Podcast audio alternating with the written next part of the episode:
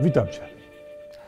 Kiedy byłem dzieciakiem w przedszkolu, postanowiliśmy z moim kumplem urwać się z tego przedszkola i uciekliśmy. E, Żeby wytłumaczyć naszą ucieczkę, powiedzieliśmy, że taki pan nas zawołał i powiedział: Hej, chodźcie ze mną.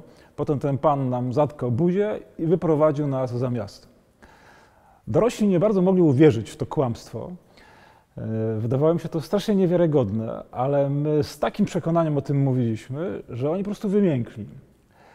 E, Ja brnąłem prawie do samego końca, mówiąc o tym panu, który nas z przedszkola prawie że porwał.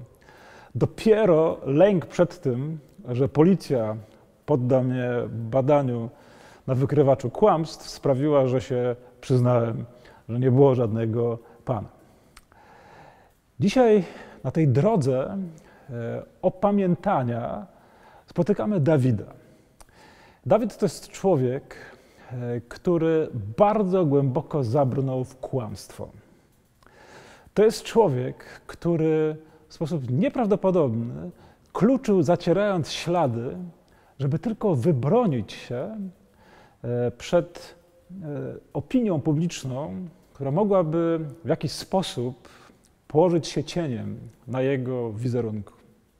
Historia jest taka: Dawid zostaje w swoim pałacu, jego wojska gdzieś tam są na froncie, i kiedy e, sobie spaceruje po swoim tarasie, nagle dostrzega kąpiącą się kobietę.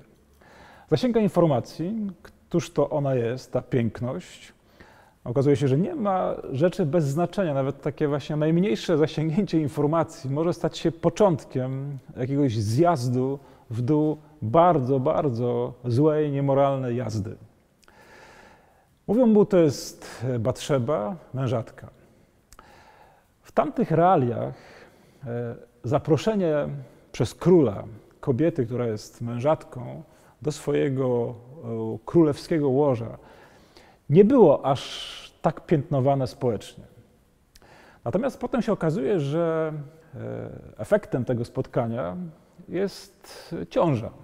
I Batrzeba przynosi tę informację, mówiąc: Jestem z tobą w ciąży. I tu się zaczyna cała właśnie, całe matactwo Dawida, e, którego wkręca coraz mocniej i którego coraz bardziej znieprawia wewnętrznie.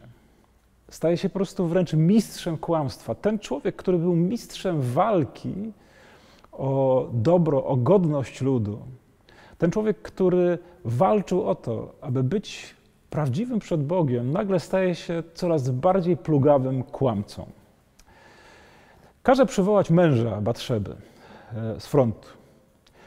I zaczyna się udawana rozmowa, udawany dialog. Co tam słychać na froncie?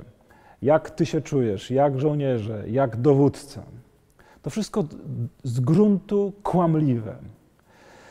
Częścią tej jazdy, takiego właśnie wkręcania się w kłamstwo jest to, że ono zaczyna się rozlewać po prostu jak takie błoto, smrodliwe błoto, na wszystko, co najszlachetniejsze.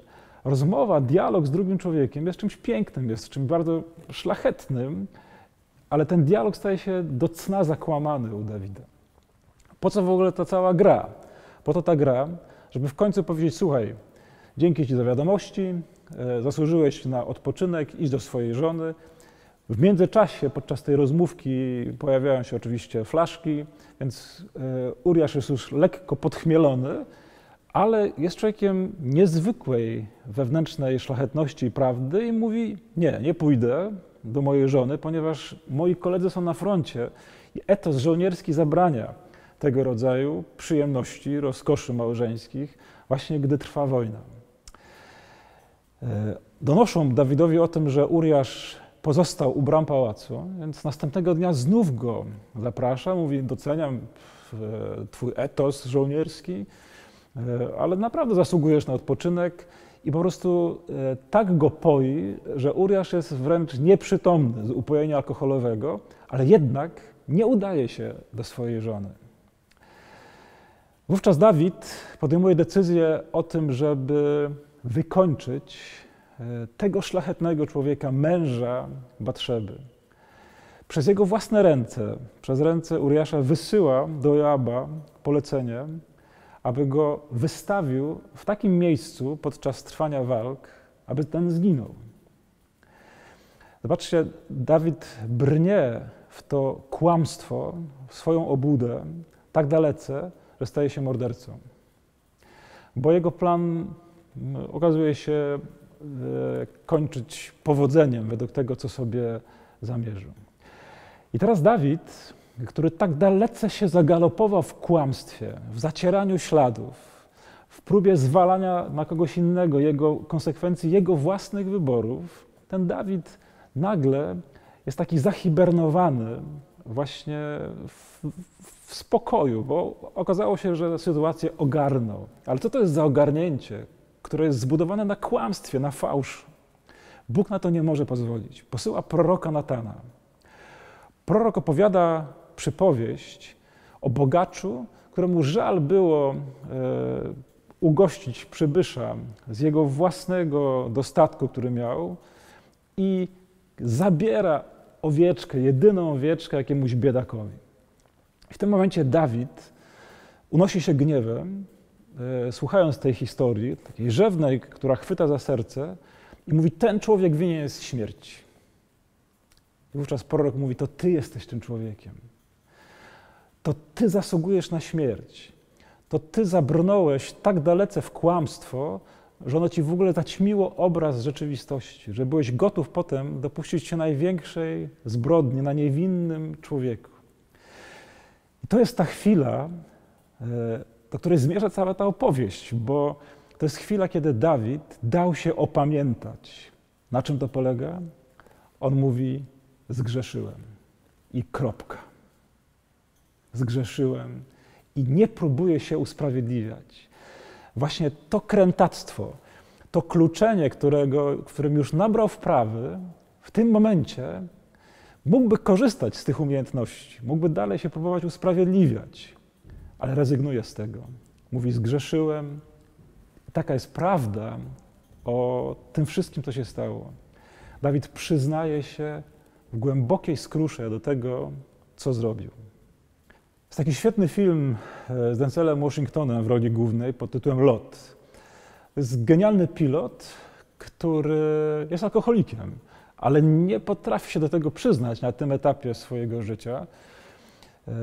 E, pod wpływem alkoholu, kiedy kieruje e, samolotem, jakimś cudem, jakimś właśnie niesamowitym dostępem do swoich kompetencji, do swoich umiejętności, udaje mu się wylądować E, ale śledztwo, które się rozpoczyna, może doprowadzić do odkrycia e, i do konsekwencji e, z tego wynikających, że był pod wpływem alkoholu.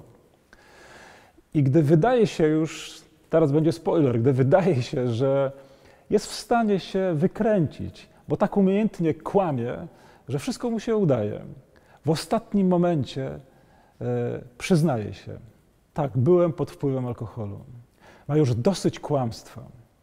To jest niesamowicie piękne opamiętanie, gdy już nie chcesz więcej kłamać, gdy już nie chcesz kluczyć, gdy nie chcesz zacierać śladów, gdy mówisz tak, zrobiłem to. Jakie są owoce e, tego, co Dawid e, zrobił, tego przyznania się, tego wyjścia z tej spirali kłamstw? Dawid staje się człowiekiem głębokiej, dojrzałej skruchy i układa psalm, wiele psalmów, w których całe jego wnętrze śpiewa taką naprawdę przejmującą pieśń dojrzałej skruchy. Właśnie to jest istotą skruchy, kiedy przestajesz kłamać, kiedy stajesz w prawdzie i pozwalasz, żeby Bóg, który jest prawdą, ponaprawiał Twoje powikłane drogi, które tak straszliwie poplątałeś.